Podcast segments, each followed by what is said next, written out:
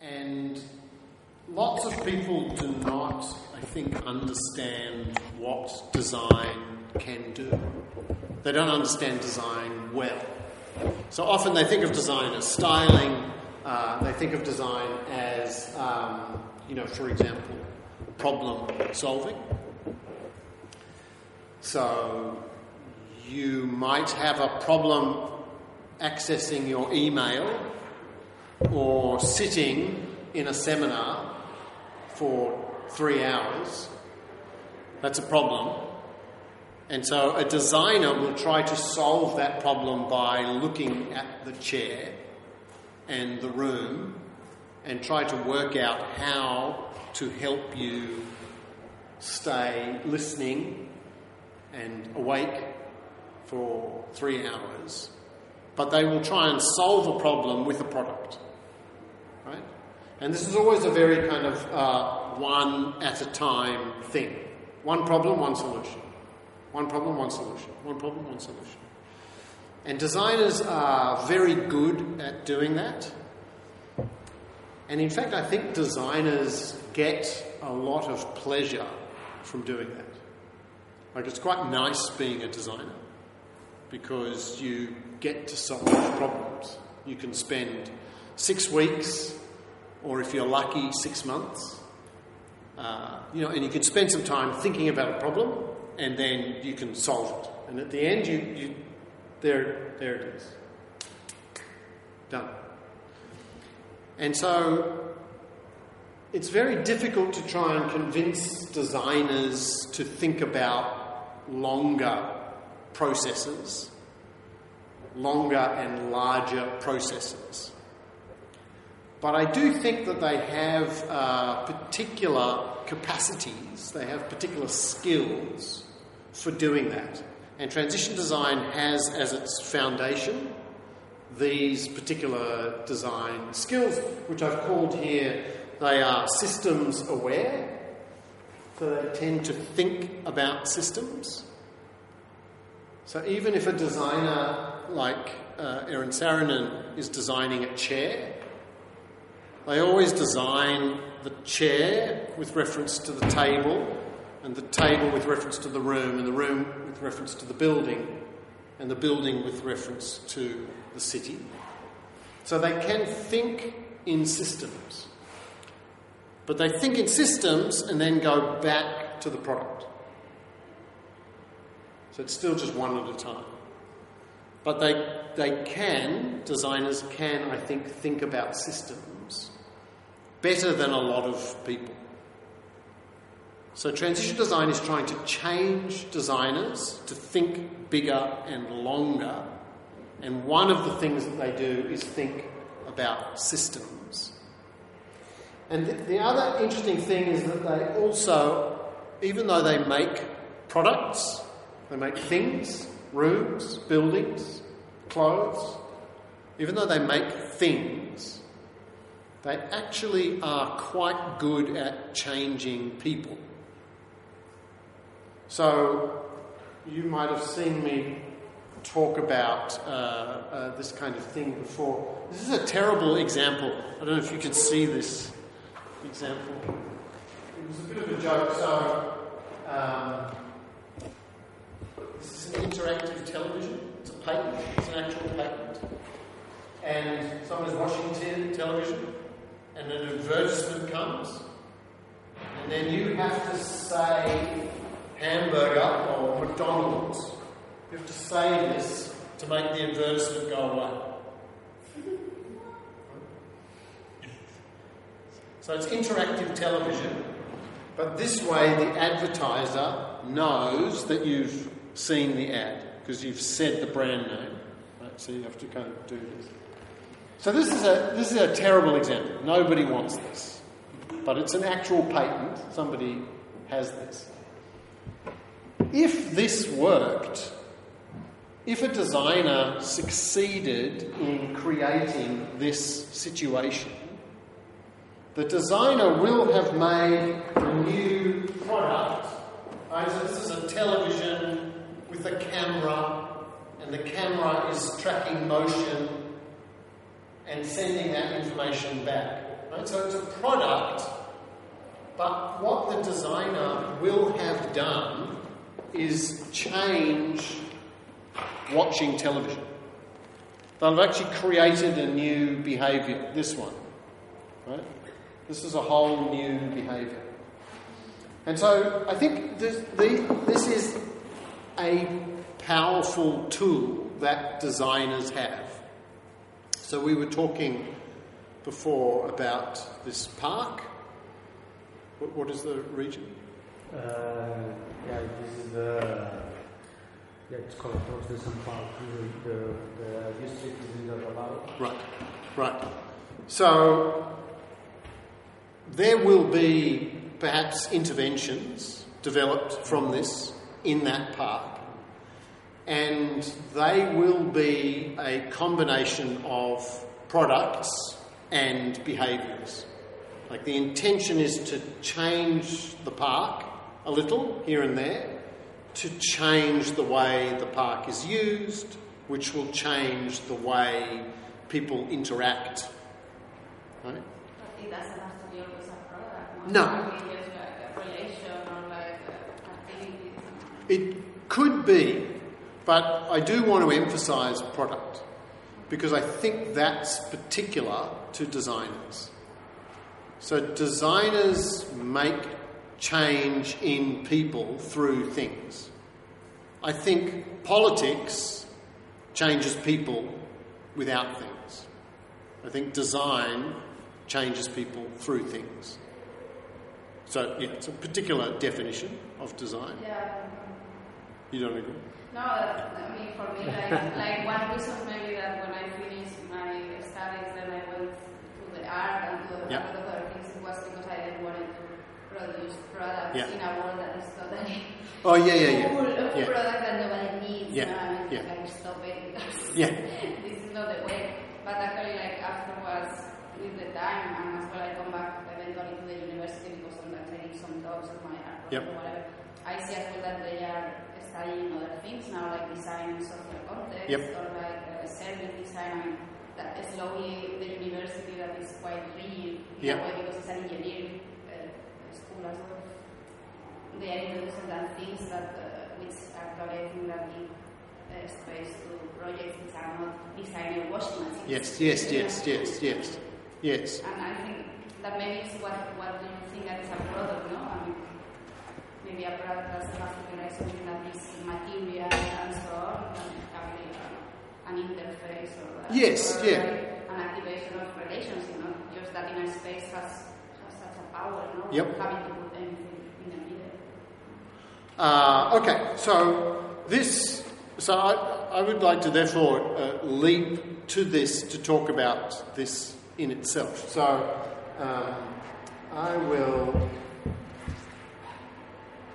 go.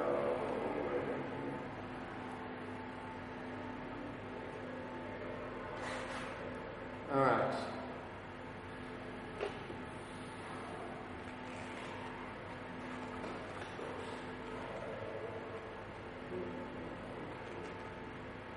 Can I open this? Oops. no. Okay, this. Sorry.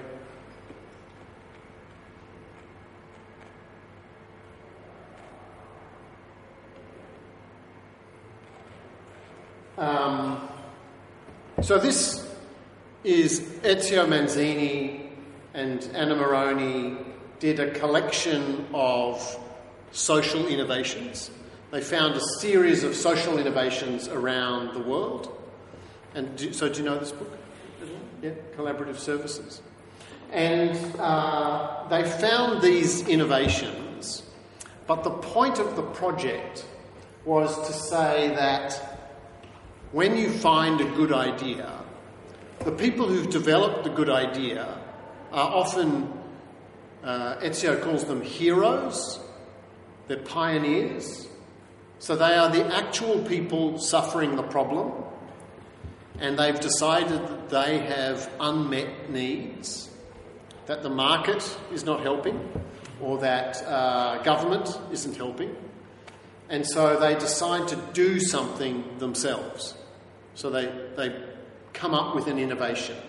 So in this book, this man has come up with uh, um, facilities within an apartment that everybody can use. So somebody has a games room, and somebody else has a washing machine, and somebody else has a kitchen. And so they've made collective use out of private space in an apartment. Right? So that's, that's the innovation.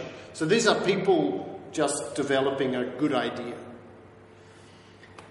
Now, in this book, there is an argument that those people, you need those people. You need to find these people. So, if you go to this area, you will need to find people who already have some good ideas.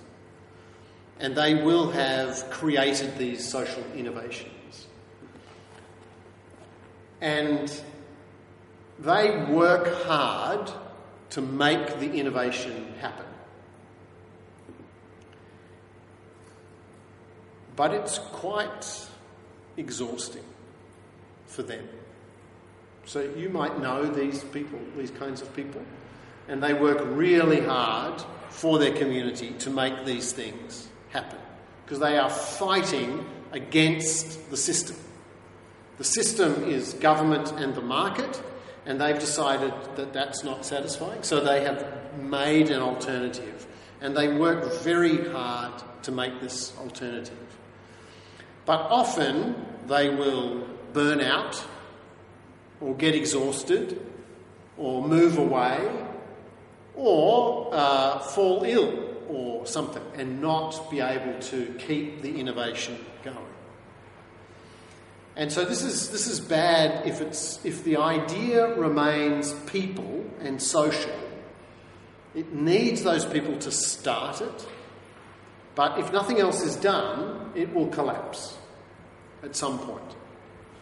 So the point of this project was to try and lend design to these good ideas.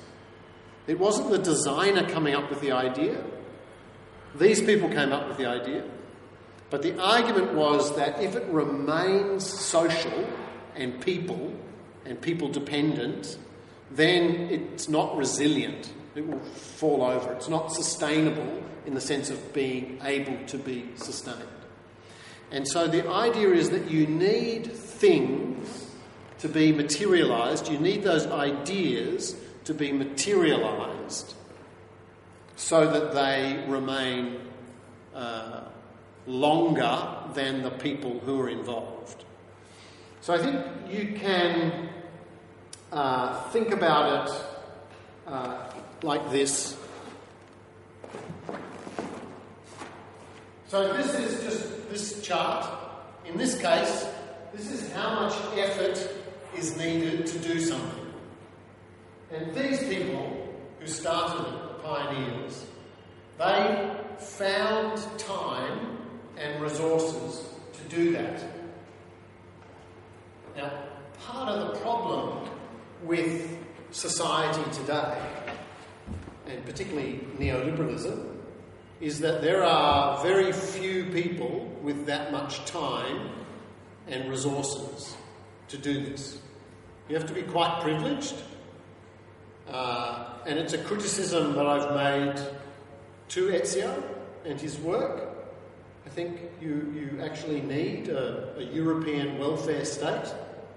Uh, when he first published this, I was living in America, and in most North American communities, uh, people are so precarious that they can't be pioneers. They have no capacity. They're just trying to survive. So I think this is terrible. So you need something, but then you have these people, and these people can put in this much effort. Now, there are some people who are never going to be involved in this idea. They are ideologically opposed, they're not interested. You can't convince them to do anything. But I think the people who are really interesting are these people.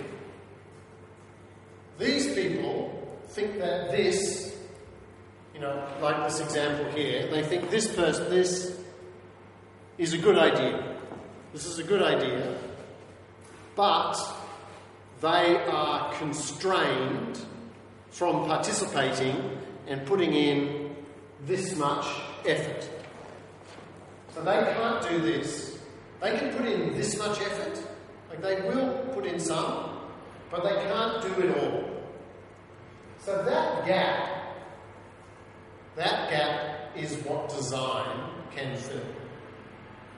The design can't make it so easy that even the ignorer will take it up. Right? That's wrong. But what design can do is help this person who wants to participate but just needs a little bit of help. That's the difference that materializing the idea as a product, as an interaction, as a system, as a service, that can make the difference. So that these people can be involved. There are also these people who so hate the idea that they will go to quite a lot of effort to kill it. So we also need to think about them. So these are uh, conservatives for the status quo, and they very frustrated if a non-market alternative comes. Right? So you have to watch out for them as well. But I think what's interesting are this this gap and this whole project that Ezio uh, published in this book, Collaborative Services. It was about narrowing that gap. So if you read what he says here, I don't want to lose the relational qualities, social. I don't want to lose the relational qualities that are the beauty and fundamental working principle of these solutions. I don't, I don't think this man ever said that because it's quite eloquent. Uh, not that he, he, might be really eloquent, but uh, the English is particularly beautiful. So I'm not sure that he said it in this way. Um, but what he is saying is that there is something special, which is what is driving these people to do this much effort. They felt a need, and then they came up with a solution, and then they love their idea. You know, these, these community activists, these community heroes, they love the quality of their innovation. And you don't want to destroy that. So if you, if you, if you do some design here for these people, there is a risk that you will alienate these people.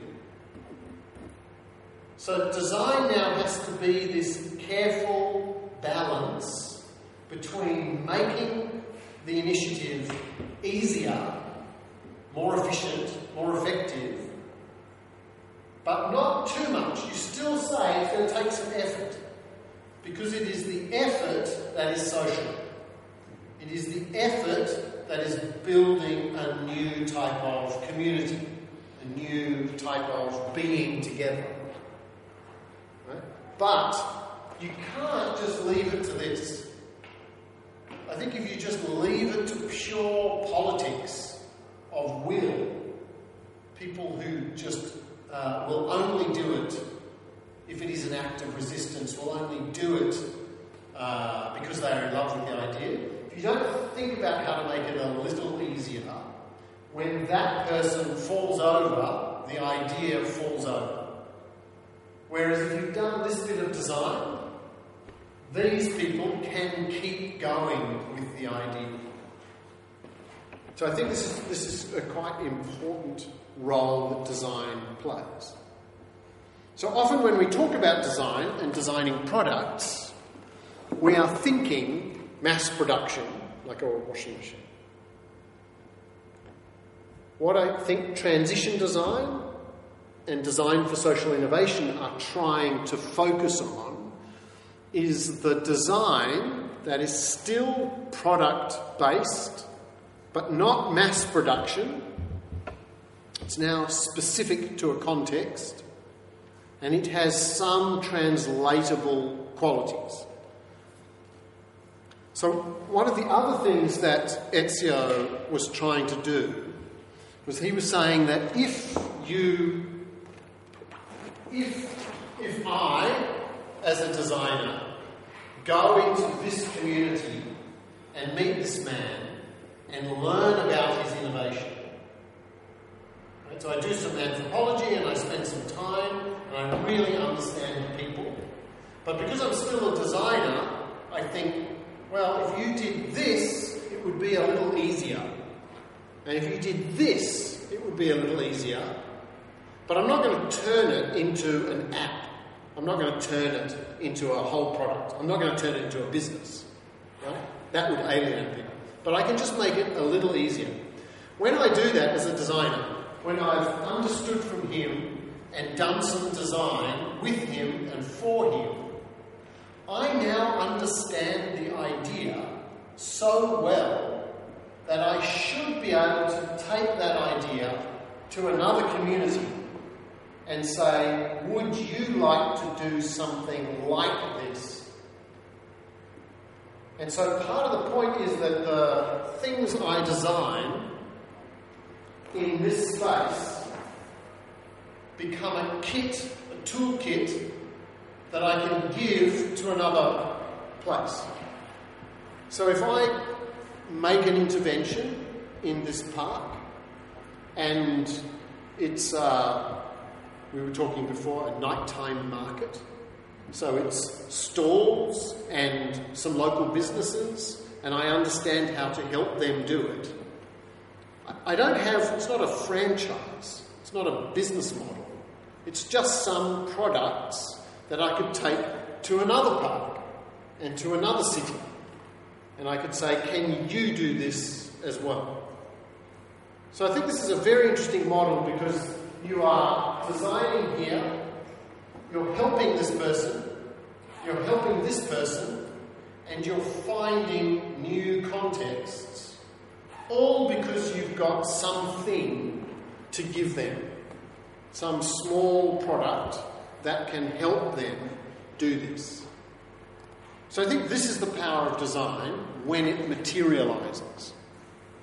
So it doesn't have to go to manufacture, but if you make something uh, that is a thing, it helps people.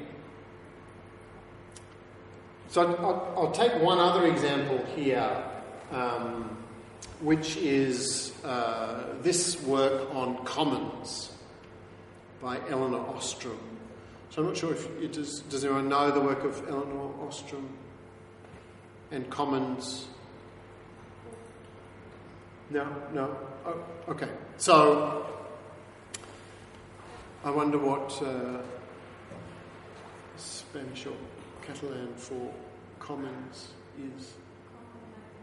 Commons. Go. Works. Okay. Okay. So you, you understand it's. Uh, it's access to a resource that nobody owns. So it's the air, or it might be a forest, right? So, so it's a problem because nobody owns it. If somebody owns it, then it can be controlled.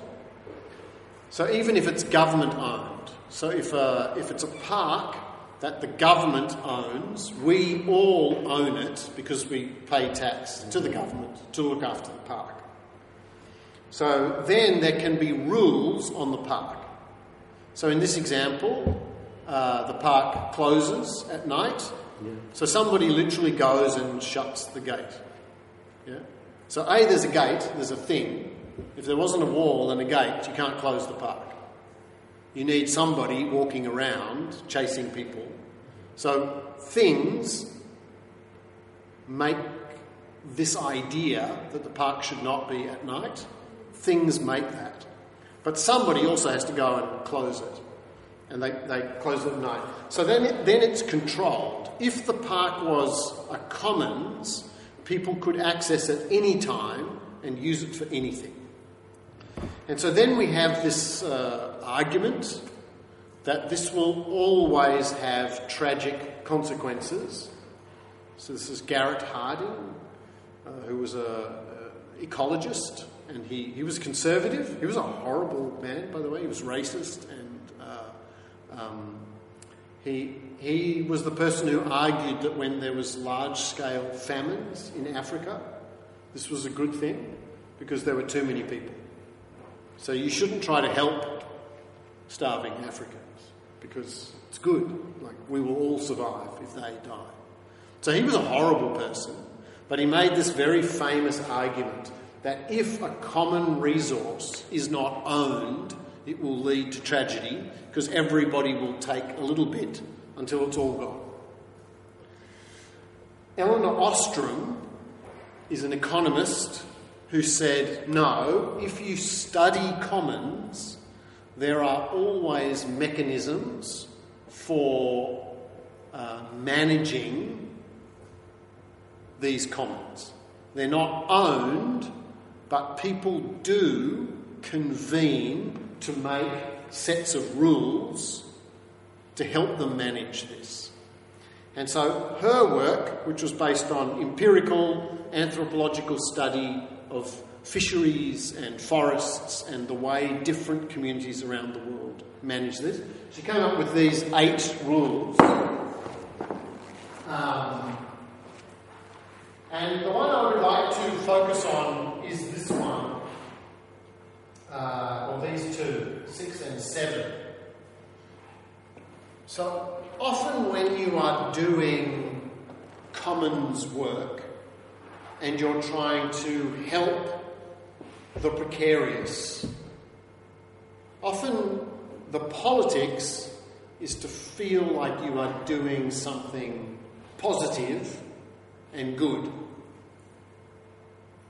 So often, when you work in these conditions, you, you want to be doing good and feeling good and helping humans. Yeah? What's interesting about this work, I think, is that Elinor Ostroms is saying to make something good, you nevertheless always need to anticipate the bad. And you need a system, set of rules. You need even things that can help you correct behaviour. So she said if you study any commons, it's not that everybody gets together. So let's say here's a commons. We all get together and we sit down and we come to agreement and we all say, right, we will not exploit this commons. So we all agree. Ordinarily, you would think, no, we're all good, we're good people, and that's enough. It's enough that we've come to agreement. It's a political solution. We've come to agreement that this has happened. And she says, interestingly, in her study of commons, nobody ever relies on that. You need it. It's, uh, um, uh, it's point uh, three, uh, and a little bit eight. But it's that people do need to agree. But interestingly, they still anticipate that people might misuse the commons. They still anticipate the bad, they still anticipate the negative. And so they have systems of graduated punishment. So, graduated punishment means uh, a small punishment, a bigger punishment, a bigger punishment, the biggest punishment. Right? You have a system of punishing. Um, so th- this is this is very interesting that that to have a commons, according to Ellen Ostrom, you need a system not only of rules, but of how to deal with rule breakers. And you need, not only that, you need people to take responsibility for enforcing the rules. Um, so, here is an example. It's, it's called here the cost of punishment. Uh, so, if you do group work, if you're working in a group, particularly in an institutional context as part of a course, so often they make you do group work, and there will always be one or two people in the group who are not helping as much. Do you find? Yeah. All right. So let's say let's say we are a group, and I am doing nothing. Who is going to tell me that I'm doing nothing? Who's going to call out? Is anyone that? Does anyone have that personality? Are any of you the punisher? No. So you will all wait to see who will do it. Because calling out my behavior has a cost to you. Right? But if you succeed, so let's say you're the caller out. I knew I was. Yeah, yeah, yeah. I suspect, yeah. I thought so. Right? So you call it out. I, I'm okay. Okay, I change. I change. Yes, yes, I will help. But I have to say that as well, like in a group, what used to happen sometimes is that there's this little talky talk, no? That maybe there's just one person who say, hey, Yeah. blah, blah, but then everybody else has been saying it. That's right. Everyone benefits. If I change, if you call it out and I change, everyone benefits. So everybody is hoping that they can get the benefit without the cost. Right? So, if you're going to have a commons, you need to design mechanisms that reduce the cost of punishment. Now, we have an interesting example of this, which is the internet, social media. So, social media uh, has lots of people that used to be anonymous, uh, and, and it's very quick and easy to be the punisher. And now, now it's a game. Now people do it all the time. So people are trolling each other. You know, it's terrible. Because in fact, the cost of punishment is too low in the internet. It's really easy to be the person who calls out bad behaviour. And so people do it too much. So, but nevertheless, it's an example of designing a system that reduces the cost of punishment. And a lot of the reason why the internet enabled collaboration was because it created many channels of talk and it reduced the cost of punishment and it increased the access to the benefit. So it's a very interesting example. We are all now suffering because of the, the way the internet, social media has been designed and is not being regulated. But I think this is an interesting example to say if you are going to have a solution, you need to design mechanisms that don't only provide the solution, but anticipate the breakdown of the solution. That part of the design exercise is to do this. So we were talking before, and I was saying that in Sydney we are trying to make a park into a nighttime park. So we want people to go there and use the park at night. And this is quite a challenge in Sydney because not only do people not use parks at night, but people actually don't use night at all.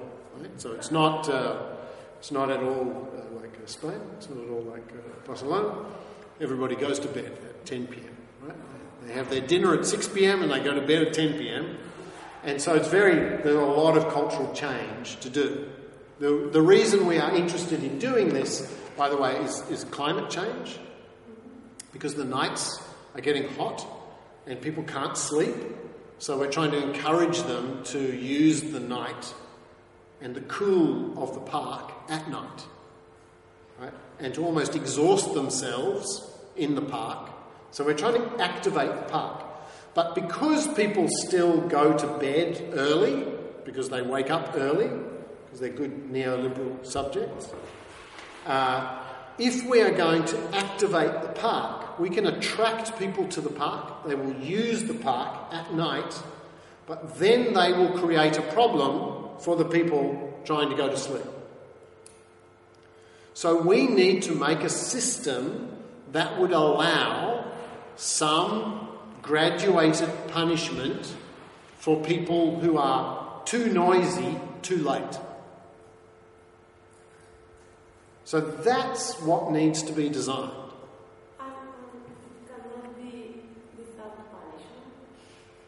So punishment is a punishment is a big word, and it doesn't necessarily have to be punishment. So obviously, the first form of punishment is actually just communication, which is somebody saying, "Hey, Yeah. can you please quiet?" And it's not possible, like make a park for noisy people, park, you know, like some place that is fiesta. Yeah. Another one it's restful. So again, you could do that, but you would have to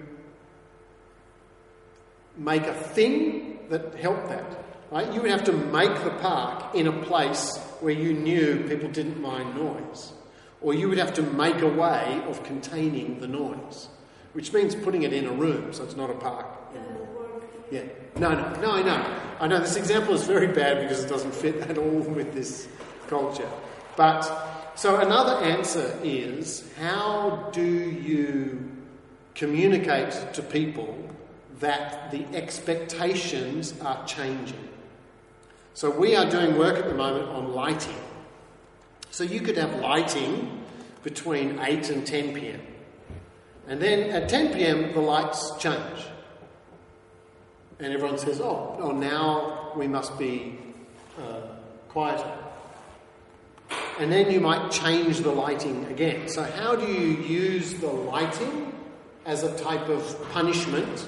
It's not a punishment, but a type of communication to help signal changing expectations. And who decides whose? Sorry? Who decides which expectations? So again, you would need some agreement. Uh, so part of the issue is we might come to agreement and say, okay, lots of noise, have fun, 11 p.m. That now needs to quiet. Let's say we all come to agreement. The neighbourhood says this is what we agree. But the problem is that from 10, from 9, people are drinking alcohol. And so by the time 11 comes, they, they forget the rules because they're having fun. Yeah? And they're like, no, no, no, let's get there.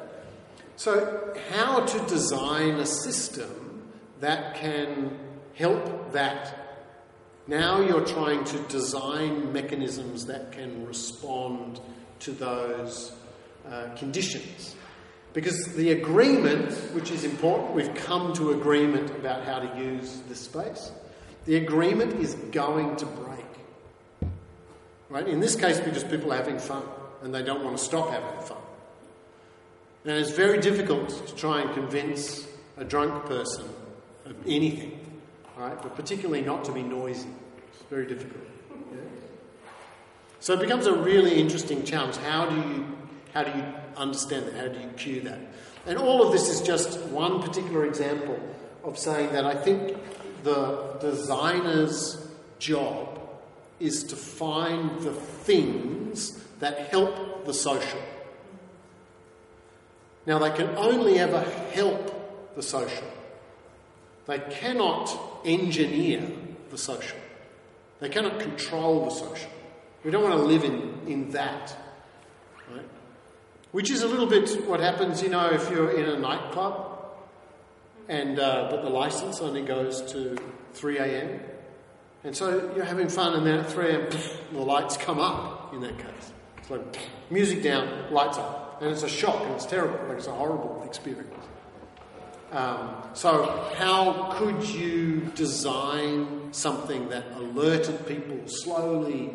How do you create new habits? You know, how might you help this transition, this small transition from that commons use, but you're anticipating the breakdown in it? And the point I'm trying to say in this case is that I think all these things are helped. That if you can't find the person in the group who is going to police the standards every night, how do you make a product that can do that? Now, again, interestingly, uh, computers and the internet uh, are quite a good example. So, because you get anonymous notifications from a computer.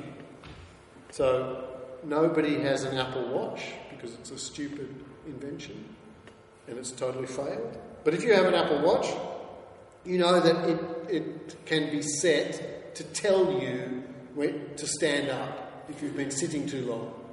Yeah? And it actually has a little thing on the back and it like gives you a little right? This one does it as well. It makes a noise. Right. Yeah. Right. So, so it's, it's a design that is it's monitoring whether you're sitting, and then it tells you. So the interesting thing about this is that we have learned to accept communications from things, and to some extent, um, sometimes we get annoyed at them. So the, the the thing in the car that goes beep beep beep if you don't put your seatbelt on or leave the keys or the lights on. Yeah? But this is an interesting example of lowering the cost of punishment because in this case the punishment is a beep from a machine. And so now you can say, you know, can the system tell people to modify their behaviour, at least initially? In some circumstances, the system telling you will be more acceptable than someone telling you. But everybody knows you can override or ignore, so at some point you still need a person to come and do it. Uh, so it's a kind of interesting thing. I was in a building the other day, and it's a, a new building, council library, so it's a public library in a square uh, in uh, Sydney. So it's a new development, and they built a library under the common square in the middle of the development, and then they have a water processing in a tower. And so they have these meeting rooms like this in this glass tower so that the water has water pressure. And they just have these rooms there to use the space. But the rooms, of course, because they're glass on all sides, in the middle of a square, they get hot. So the architects have built uh, big uh, curtains between the windows, so that it's double glazed. And when the building starts getting too hot, then the curtains automatically close. So we were in this room and we were all talking, and then all of a sudden, the curtains go across. And so then we all talked about this. And we said that this was a very rude curtain. Right? That it was not politely designed. That it really would have been very simple to get the building to send a text message. So we're all talking, zzz, look at our phone, turn off the phone, what's happening? And the building says, I'm getting a bit hot. I'm going to close the window now. And it doesn't, it doesn't give you permission to say, no, don't. It's just politely telling you the windows are, the curtain is about to close. So these are interesting examples of reducing the cost of punishment because it's coming from an anonymous system rather than from a person. And it would be possible, if you can imagine, if we were in a group so we're doing group work, and I'm terrible, and nobody wanted to actually speak up. Wouldn't it be interesting if you could send an anonymous message to my phone that said, Many people in the group think you are annoying. Can you change your behaviour, please? And so I don't know who sent it, That, I know, I know. Yeah, yeah, yeah, yeah. No, no, it's not. A, it's not a good design solution. But what I'm trying to say is that I think this is an, an interesting example of how to be a designer who is materializing things to do the work of social systems, to help people transition to new types of saying so your room is getting too hot would you mind closing the curtains? So now it's a totally different system.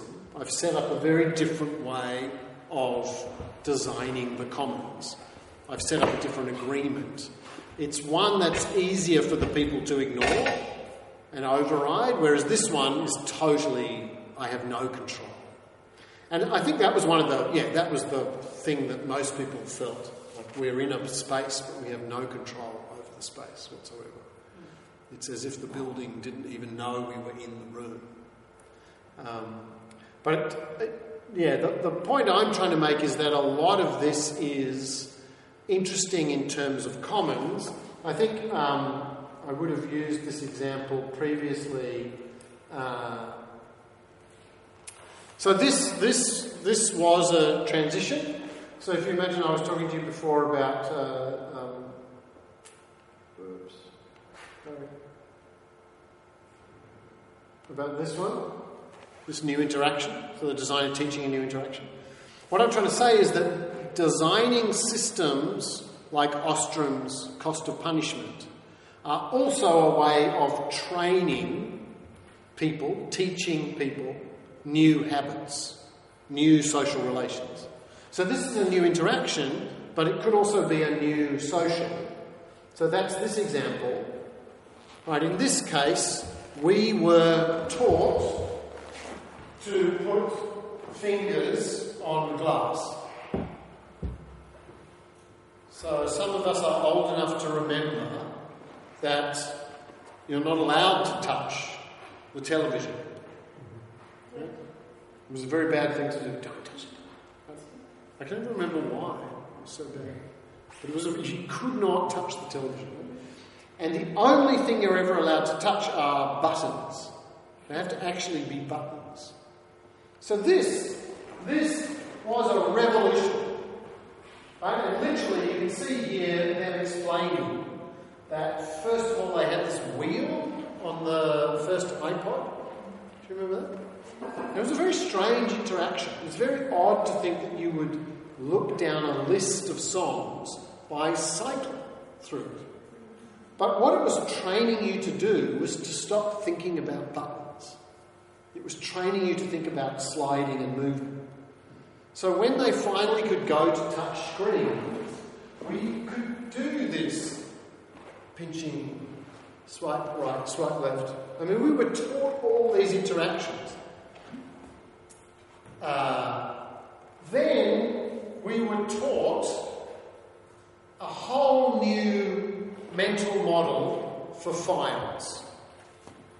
So there used to be this idea that, that this thing has a memory in it. And in some way, all my stuff is in there. Right? It's actually in there. I never kind of knew how, but I just knew that in there there was something. And then at some point they came to us and they say, Stop thinking like that. It's not there. Because now it could be here or it could be here.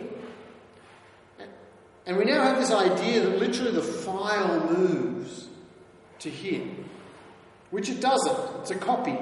Right? It's all just making copies. It's just a set of instructions telling this thing to make it look like there's something here. There's nothing actually moving. It's not a letter.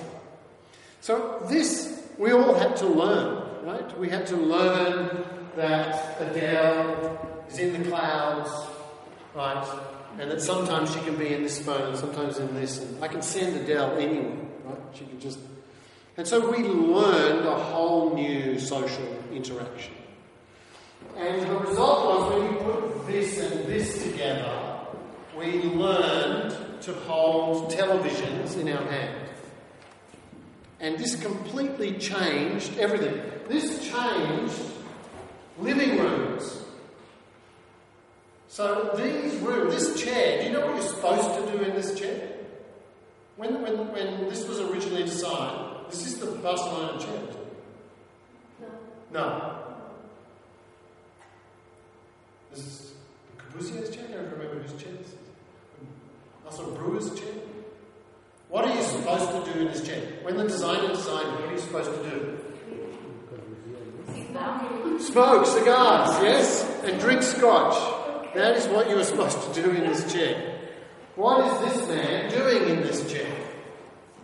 He's doing his email. He's working. This is not a working chair. So, this transition, this made a whole new type of work, and it changed what it means to be at home. It used to be that you were at work and you would get your email at work, and now we sit in couches and instead of smoking cigars and drinking scotch, we watch Game of Thrones while doing an email. Right? So this is, this is a transition, and this transition took a long time, took uh, 10, 15 years. It's not a good transition, it's a bad transition, but it's a transition in which we were learning over time a whole new set of behaviours.